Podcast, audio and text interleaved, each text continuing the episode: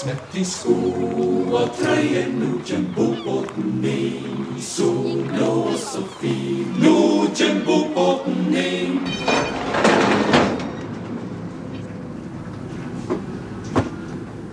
Et helt bibliotek for seg sjøl. Å sitte på teppegulvet som gjør meg blå på knærne, og lete fram skatter fra hyllene.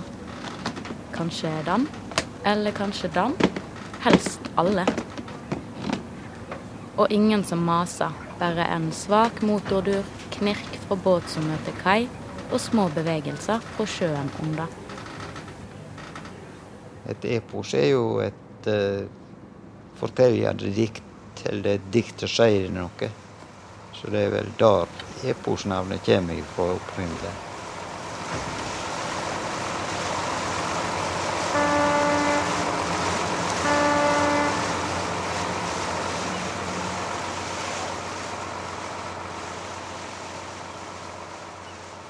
Det var deilig å bo der, vet du.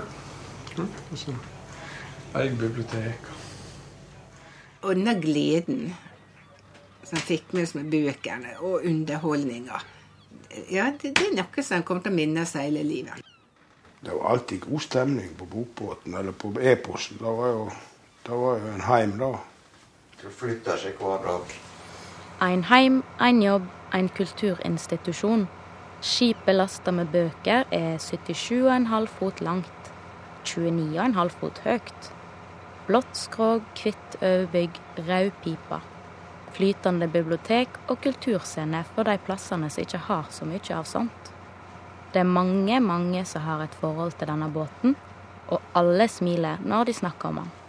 Siden 1963 har bokbåten Epos gått fra bygd til bygd på Vestlandet. For å radiodokumentere bokbåten må jeg rett og slett ringe mamma. Hallo, det er Jorunn. Hei, det er Maria. Hei. Jeg lurer på om du kunne tenkt deg å være med i denne dokumentaren. Eller i hvert fall la deg intervjue. Ja, ja da, da, da skal vi klare. Altså, men det, det må, må, bli på en helt sånn, ikke noe sånn der følelsesladet måte. For mye, sant? For uten bokbåten Epos, ingen meg. Båten ble bygd av bestefar Knut for akkurat 50 år siden. Noen år seinere tok sønnen Knut Jørgen over skipperstolen, og ei av skipperdøtrene hans er jeg. En direkte konsekvens av at Epos en dag i 1979 fikk ny kokke om bord. Nei, jeg hadde jo ikke vært så mye på sjøen mer enn jeg hadde reist med ferja. så det var jo Det var jo en stor forandring å reise. Vi reiste nordover ved Stad, og jeg var jo ikke så gammel. Hvordan tok de imot deg? Nei, alle var utrolig imøtekommende. og Det var stor kamp om å få lov til å være med på bokbåten. Så det var en liten ferie i hverdagen å få være med på bokbåten. Hvorfor tror du det var så populært? Nei, du var vekk fra alt. Du, det var et eget lite samfunn der du gjorde jobben din, og utenom det så hadde du fri og var sosial i lag med resten av gjengen. og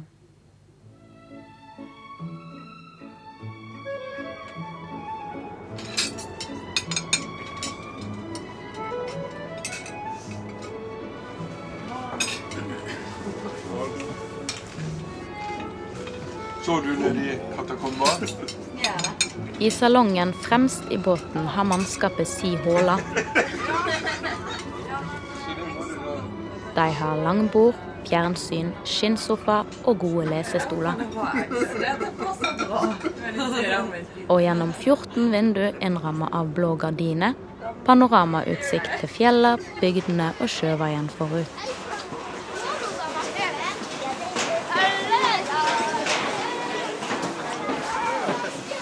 og oppover kaien når lånerne kommer.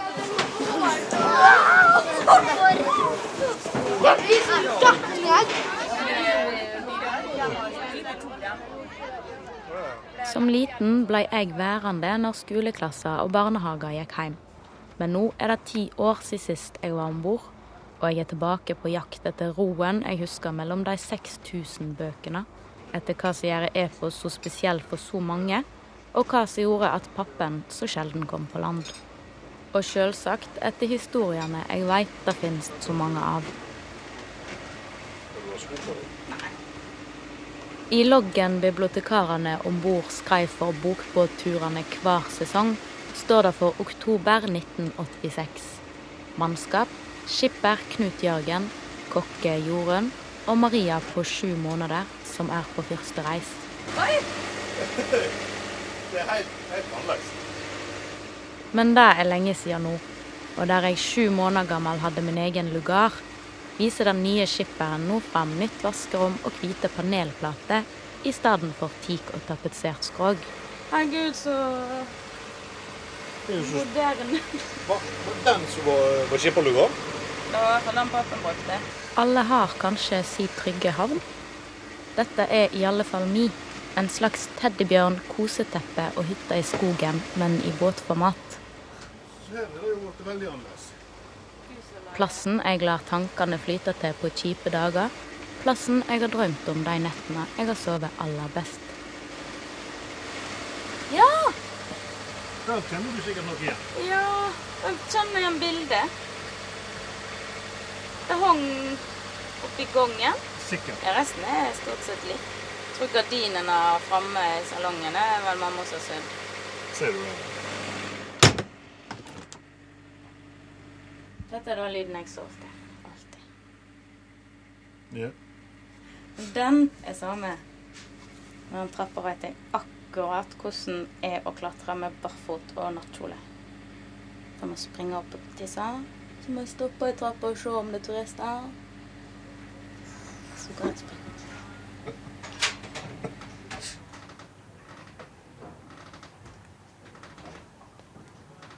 Jeg gledekvidde meg ganske lenge og gikk om bord med sommerfugler i magen.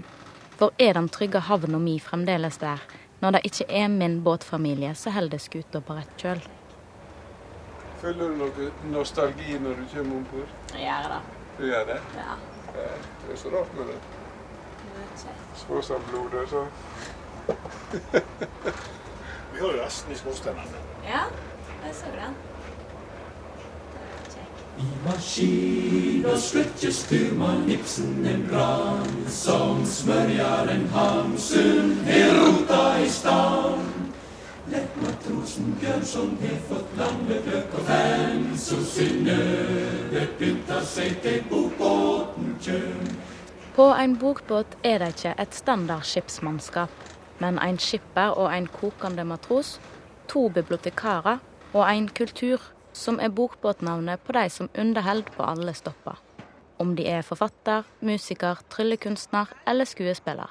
En sammensetning av veldig ulike folk til tider. Og ikke helt hverdagslig for noen av de, men hverdag akkurat her. Og mange har vært her veldig lenge. Grete.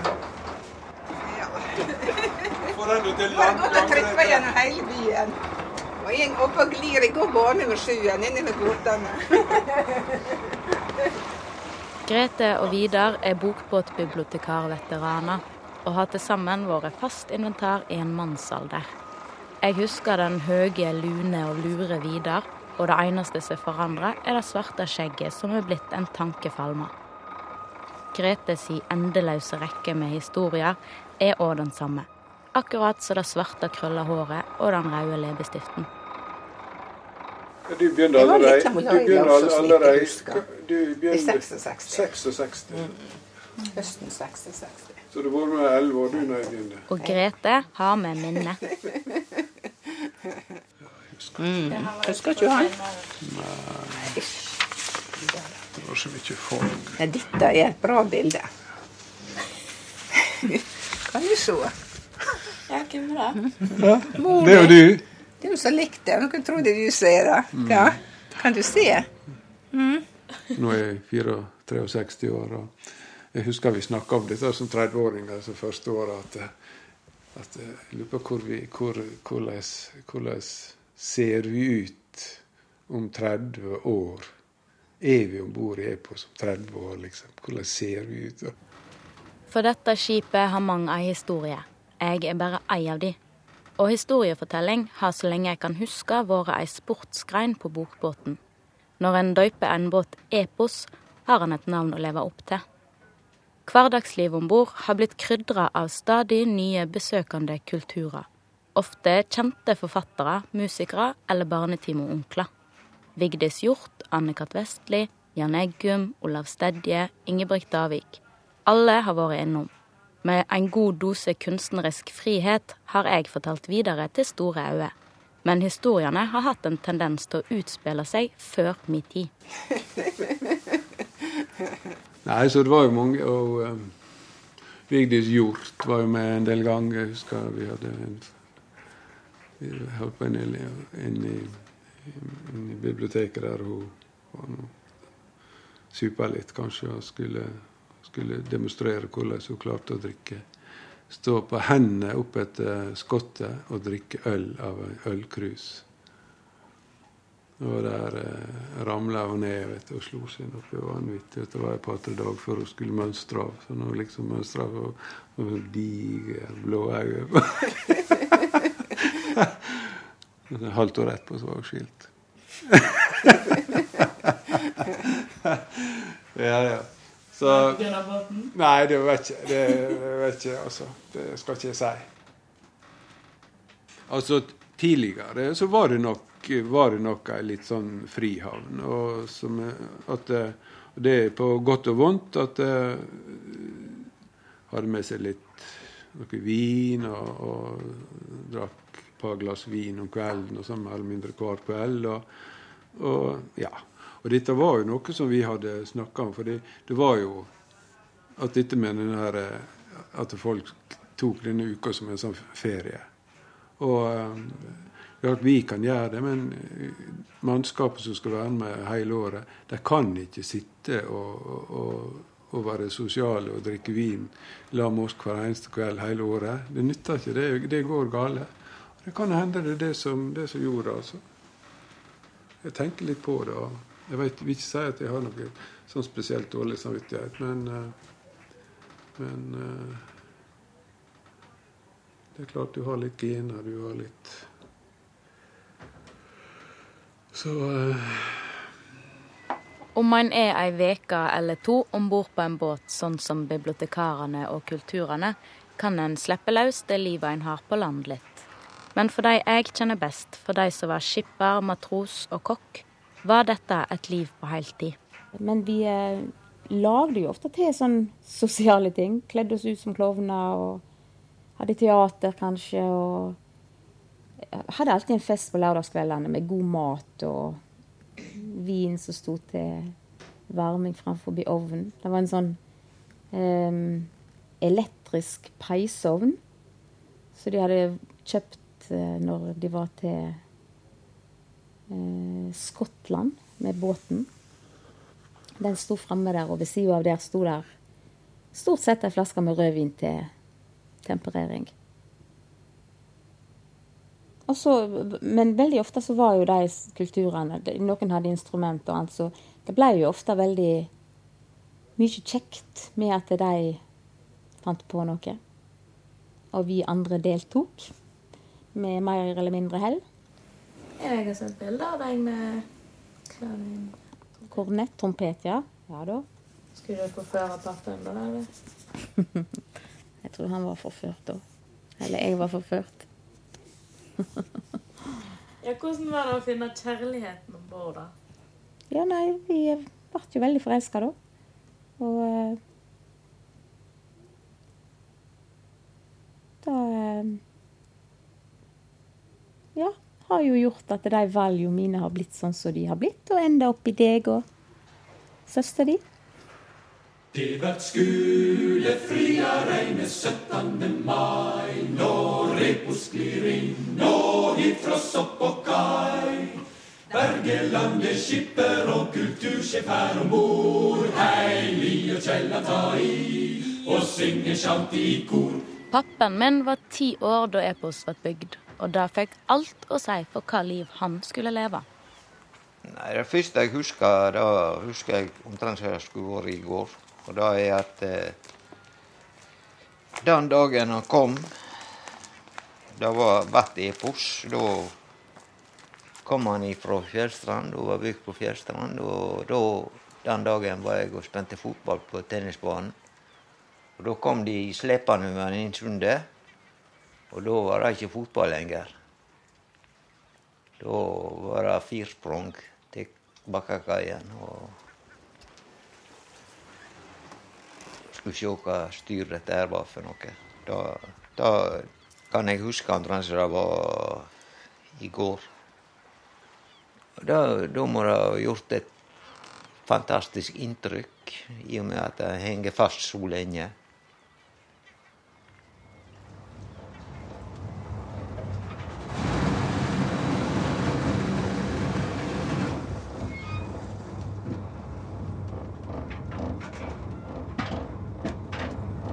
Kan ikke reise hjem til vestlandsbyen sin når lånerne har gått for dagen, om en jobber på bokbåt. Det går ikke buss fra Orten til Ålesund, og bilen får ikke plass på soldekk. Så noen veker hver vår og hver høst blir hele livet flytende for bokbåtbibliotekarene. Så det er jo ikke store plassen, da. Så jeg har en tannbørste, en hårbørste og telefon, selvsagt. Og så litt lesestoff. PC. Ja. Litt kontorarbeid blir det gjort. Og så på denne turen var det innkjøpt en ny radio. Og Møblert, hvordan er det? Ja, da er det brisken, da, som, eh, som på land heter seng. Og en eh, kommode som da ikke er så veldig praktisk. eh, Det er jo ikke noen sånn spesielt beregna på båt, fordi eh, når det, når det er sjø, så forsvinner skuffen opp og står og smeller. Så, så den er jo ikke så særlig praktisk. Så, så har vi en liten nattlampe.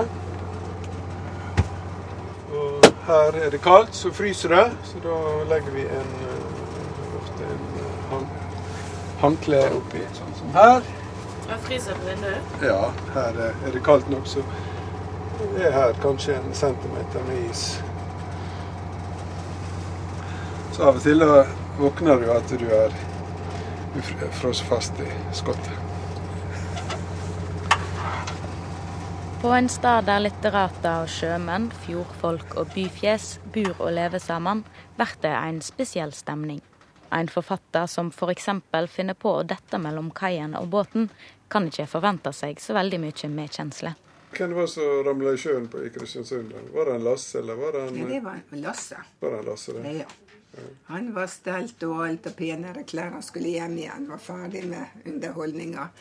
Bare. Ja, og så bikka landgangen. Og så datt han ned i sjøen.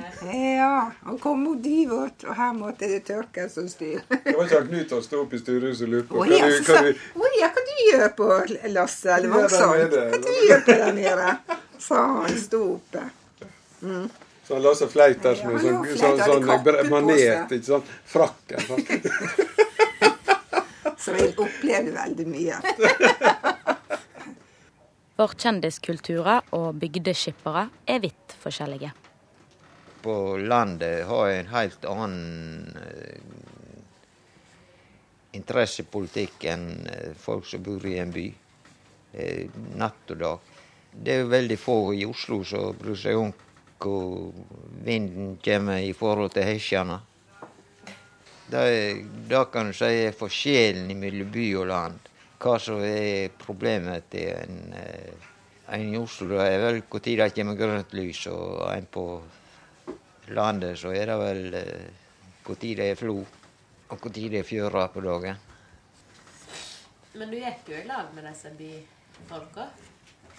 Ja, en var plukka nøtter, da. Men kjendisene var ofte på snarvisitt, mens bibliotekarene kjente seg som hjemme. Det, det, er jo klart, altså vi, vi holder jo moro med det, da. Det, det gjør vi jo. Og eh, sånn internt oss at eh, I hvert fall disse her eh, som vi et, etter hvert da har liksom lært å sett på TV. Og sånn, før den tid liksom på radioen og liksom sånn kjendiser som vi liksom så litt opp til og sånn. Og så, så opplevde du det på veldig det personlige plan og det private plan litt sånn at det, det er egentlig akkurat sånn som oss. så, så, det er jo sånn litt sånn Og derfor, var det også, der, ja, derfor er det også litt artig å sånn, drive litt sånn ap med at uh, det og det skjedde, og at uh, det dreit seg ut. Og de også. så er ikke alltid bokfolk og sjømenn så veldig like de heller. Sjøl om sjøbeina står stødigere og sjargongen har fått feste hos bokbåtbibliotekarer etter noen sesonger, har jeg sett mange ristende sjømannshoder over disse radikale, langhåra og bh-løse bokfolka. Jeg var jo raddis, og akkurat uh, uten bh og sånt, det kan jo hende, det. Nei, at vi, hadde, at vi hadde heftige diskusjoner, det hadde vi. Spesielt med gamle Knut. Spesielt han likte å provosere sånn eh, politisk. For å si det, Han var stokk reaksjonær, for å si det. hvor mye han mente, og hvor mye han bare syntes med å trekke opp av med sånn fanteri. Det er ikke så godt å si. Eh, det er klart altså, Vi var stort sett 30 år, og det var, det var på, på 70-tallet og, og, tidlig 80-tall. Det var jo de fleste ungdommer radikale. Og det er jo klart, altså. Knut og Knut Jørgen de skulle jo forsvare sin De var jo, de var jo i våre øyne da, kapitalister. vet du, De eide jo en båt. Ja, nei da. Besten og pappen var kjent som de to blide skipperne som sto i døra og tok imot lånere og inviterte til en kopp kaffe. Med et evig godt humør, evig med tid til å prate, tulle, ta en fest. Der laga han Ingebrigt Davik. Jeg tror at de har satt med gitaren sin bort på Grytastranda. Og så kom han og fortalte han hadde laga en eposang. Han tok frem gitaren og sang han til oss, og da tok han Knut Jørgen han opp på bånd. Og så førte han henne inn i bok, ei bok som vi hadde om bord. Knut Jørgen er pappaen min. Her kommer ei vise så lita, men god Må bare ikke hoppe inn. Jeg både hes og da. Ja, der. Hun handler om Epos og Grete et ko, om båten som tok meg i voggane favn, bar meg fra ham til ham Og så er det refrenget. Ja, nå husker jeg ikke helt det. Epos forlegg min veg. Blir du en del av meg? Er det den? Ja, kan bare, det, det var ikke den, men vi kan godt bruke den. vi kan godt bruke bro, er det den? Ja. Så her står det, ja. Og neste vers er om bestefaren min. På broa sto Knuten en værbarka kall, som losa i skute blant fluer og fall. Et andlet med styrke, med tryggleik og smil, et menneske rett i en ulabransk stil. I bysta gikk Dagny og trylla frem mat. Det var kona til Knut. Og bestemor mi. Og inn i salongen kom fat etter fat.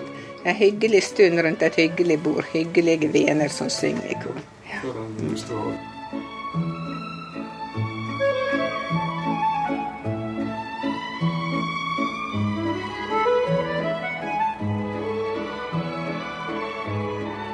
E-post uh, Ålesund.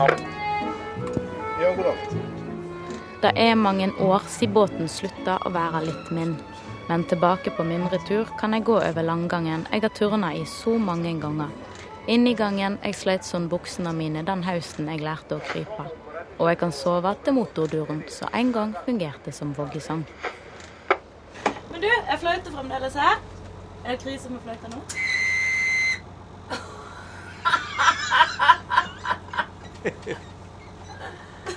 Kødder du? Nei, den er bedre.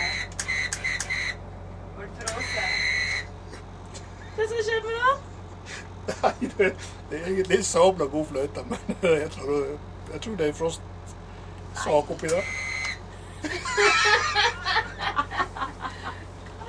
Jeg skulle fløyte her inne, og bare sånn Hva var det da? Det var bare klikk, klikk. Ja. Hvordan det stått ute, da? Hæ? Hører du ikke ute? Nei, du hører bare sånn klikk, klikk. Klikk, klikk. Nei!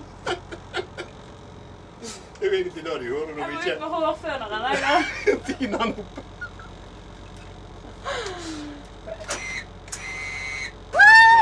Et år! Og ha det der på. Og hvis pappa leser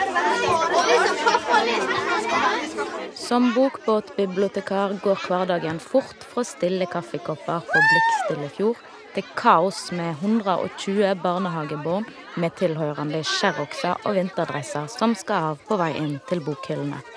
Fra å skuffe med at Justin Bieber-boka er utlånt, til å se Abrakadabra-teater tre ganger for dagen fra plassen bakerst i biblioteket.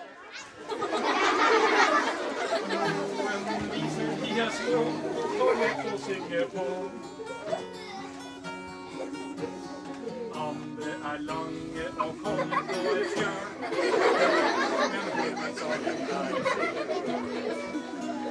La, la, la, la,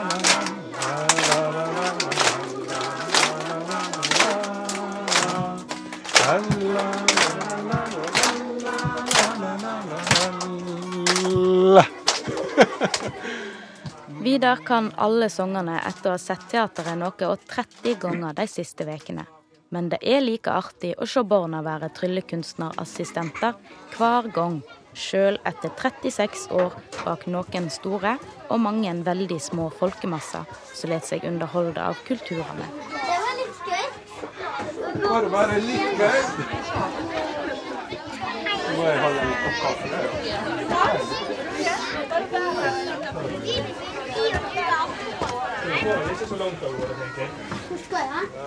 Nå skal vi til Ålesund. Og så skal vi til Hjørundavågen og Alnes i morgen. Og så skal dere til Da er vi ferdige. Da skal vi tømme båten. Skal dere kaste dere sjøl? Ha det! Da jeg var liten, kom disse andre ungene gjennom kalde gufs gjennom den åpne døra. Laga bråk og invaderte båten og biblioteket mitt. Mens jeg gjemte meg i salongen, i en svart, slitt vippestol med kaffelukt, kaiknirk og kunne dempe lyden av skoleklasse på bokbåtbesøk. Så kunne jeg gå ned om kvelden, sette meg på gulvet og låne akkurat hva bøker jeg ville. Lese de fra ungdomshylla på lugaren, og lurer på hvor mange jeg rakk før jeg måtte på land igjen. Stikk på i bokkafeen, der er blanda køst å få. Har kokt eller rå, det er som det må. For køkk og Sigrid Undset, hun er mange gryter på. Sveita, salta og strir, men middag til store og små. Har du vært redd noen gang? Jeg var ikke redd da i begynnelsen, men seinere, når jeg var gravid med deg, var jeg kjemperedd. Men da vi, skulle vi gå over Stad og gikk ifra Ålesund for å komme før været, for det var veldig dårlige meldinger. Men vi måtte snu igjen. Um, så da var det nok veldig dårlig vær. For det skulle ganske mye til før de um, snudde. Det var to små lugarer helt bak i båten, og jeg lå der og var livredd. Jeg lå og grein. Jeg har aldri vært så redd i mitt liv. Knuten sa alltid at det var ikke, den båten kunne ikke velte. Men han lå ganske skeivt mange ganger, så en måtte holde seg godt fast. Kokka som kom om bord i 1979, ble altså mamma mi noen år seinere. For sommerjobben som 18-åring ble til bokbåtvintre og en litt ny vri på livsplanene. Jeg var om bord helt til jeg skulle ha deg. Ehm, så da, da gikk jo veldig fint, og hadde vel tenkt at det eh, skulle være om bord videre òg, da. Ehm, så når du var sju måneder, så reiste jeg om bord igjen. Så du lærte deg både å krype og reise deg om bord på båten. Ehm, og det gikk jo veldig fint. Og det ble tatt veldig hensyn til at du var der. De slutta jo helt å røyke om bord. Det var kun lov å røyke i styrehuset. Så eh, det gikk veldig fint. Da hadde jeg om bord. Så nei, det var ikke noe. Og så lenge motoren gikk, så sov jo du så bare da. så det var jo veldig enkelt å ha deg om bord der. Ble du kokk fordi du ville jobbe på båten? Det var vel det som, var, det var det som var, gjorde at jeg bestemte meg for å bli kokk. For jeg hadde aldri tenkt på å bli kokk før.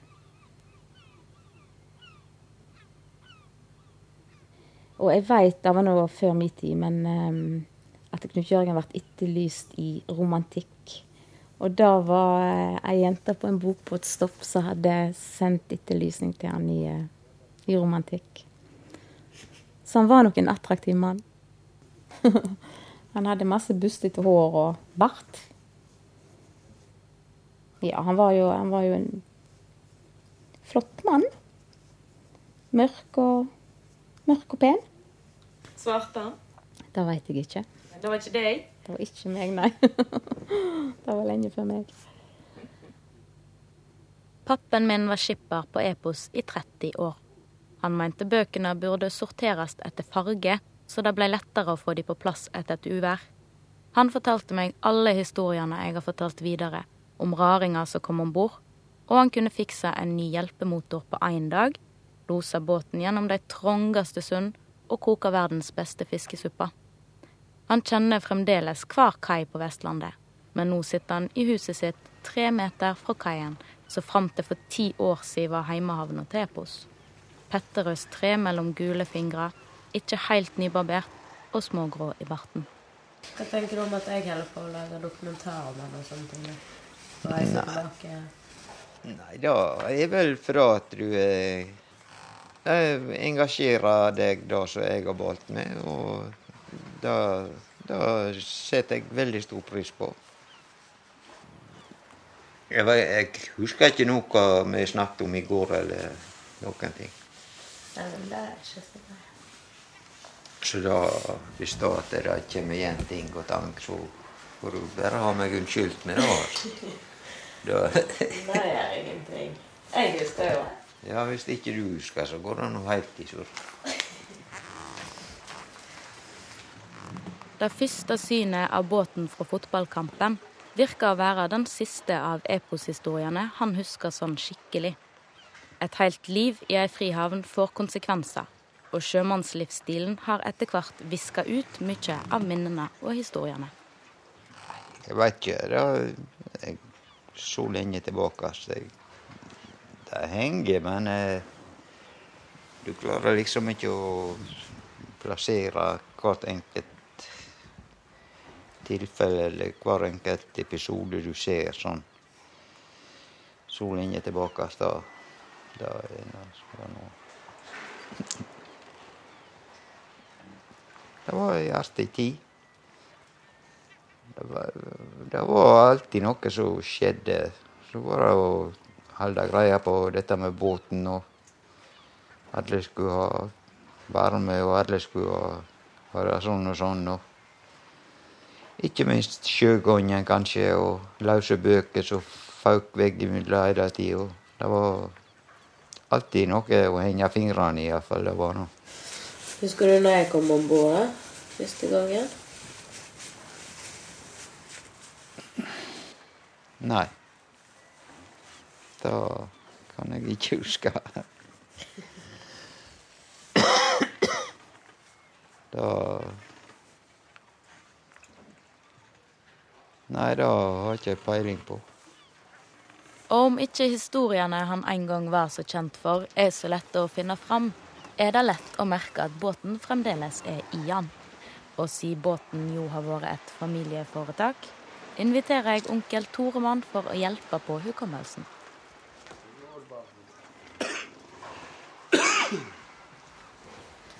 Jeg. Sjefsmatros Rykke hadde større klesvask i ei bytte på kaien. Og så hadde han en piassavakost, og så strødde han Biotex på dongeribuksa. Grus. Grus, ja, sand og Biotex. Og så skulle han få all den såpa dette her utover. Så skulle han skylle det. Og da hengte han et tau etter e-posen. Og så eh, ble jo hengende såpass lenge at uh, faktisk han kom på det etter aldri så lang tid. Og så, da var det bare linninga til disse hempene, så resten var vekk. Det hang bare sånn. Og alt som var igjen. Hva er det første du husker om bokbåten? Nei, du vet, jeg var jo med bokbåten før jeg begynte på skolen òg, jeg, i sin tid, så Jeg var jo ikke mer enn tre år da den ble bygd. Men jeg husker i hvert fall én gang som jeg var med på snøra. Da var den sykla ned i Ned på trehjulssykkel. På trehjulssykkel. Ned, ned til Lugardala. Sykla rett ned hullet, da. Det var én plass. Ned under dekk? Ja, ja. To ganger jeg sykla. En gang sykla jeg ned av trappa til lugarene. Og så var det en gang eh, Nedan så Soronja. Nå, nå ofte du for ned. Det var det første jeg husker om hele bokbåten. Ja, At ikke det røk noen armer eller et eller annet for ned til Lugaren. Da er jeg gått der. Gaulte fælt, sikkert. Sett i sko og trøye, nå kjem bokbåten inn. Så blå og så fin, nå kjem bokbåten inn. Skulefria reine 17. mai. Nå Repos nå og opp på kai. Hemingway er hedersgjest, han nipper vin og kjeks. Når han til køkka på fond, Her Ivar Aasen kompleks. Nei, jeg likte meg jo veldig godt. Det var vanskelig å gå i land. Hva var det som lokka? Nei, det har jeg tenkt mange ganger på om hva det egentlig var, og at, eh, at en ikke savner mer det livet utenfor. Men en ble på en måte trukket inn i noe som en ikke helt hadde kontroll på. Selv om mine klareste barndomsminner er båt, sjø og bøker, har jeg vært mest på land. For skolejente kan ikke være hele vinteren på et flytende bibliotek. Og jeg var hun irriterende jenta som alltid snakka om eposen på skolen, hjemme med mamma og tre søstre i bygda over fjorden. Og en pappa som veldig ofte var på jobb. Så sto jeg på kaien og grein, mens båten forsvant ut fjorden. Ja, nei, det var vel gjerne litt vanskelig da å, å innordne seg etter en vanlig hverdag. Og, og så var det jo så lettvint å bare være vekke. For da at det, det var jo noe så Det var jo alltid noe du kunne gjøre der. Og jeg tror ikke det var bevisst heller. Det ble vel sånn at det var like mye heimen som andre ting. En, en verden som var mye enklere enn eh, den som var hjemme. Unger og trivielle problemer En er vekk ifra alt og har, får alt servert. Det, det blir ikke stilt noen krav. Bare du gjør dine oppgaver den dagen, så kan du gjøre hva du vil etterpå. Og så er du jo på samme plassen. Du trenger ikke bevege deg vekk til noe annet. Ble du avhengig av å være om bord, tror du? Eh, Det høres gjerne rart ut å si det, men jeg, ja. Hvis ikke du var, var i hverdagen din, så ble det vel en sånn måte at du tenkte, tenkte på det. Ja, du ble vel eh, på en måte avhengig av det, eller det ble en levemåte.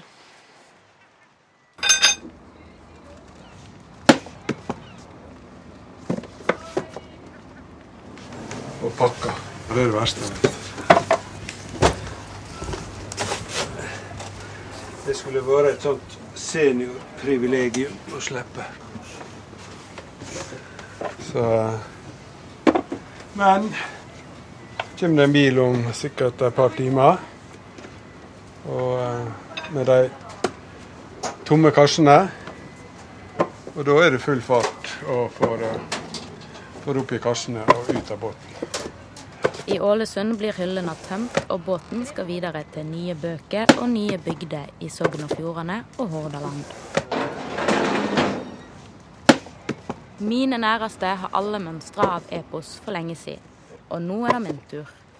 Båten går videre mot nye eventyr, samtidig proppfull av historier om meg og mine. Den er ikke helt heimen min lenger, men fremdeles den trygge havna. Og de gode minnene som kan være der for masse å tenke på, når jeg må innse at de er akkurat da. Bare minner. Når du vet at båten ligger en halvtime ute i fjorden, hva tenker du om det? Hva jeg tenker om det, da er at eh, han er ikke så langt vekke. Men eh,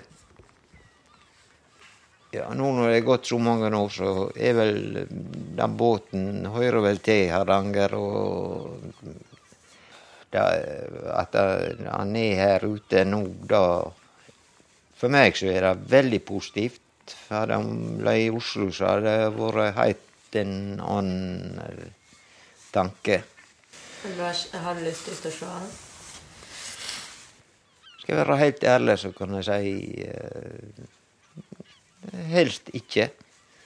Jeg har jo gjerne sittet nok. Jeg tror iallfall ikke det er mange som sitter mer enn meg. Føler du at du er ferdig med den? Ja. Er du stolt over at du har drevet båten i 30 år? Ja, egentlig. Ja. Ja. Det må jeg si at jeg er. Snart står skipper Wergeland på kløkk og ding, ding, da. Takk for dingegonje, takk for dingegonje, du må bo på.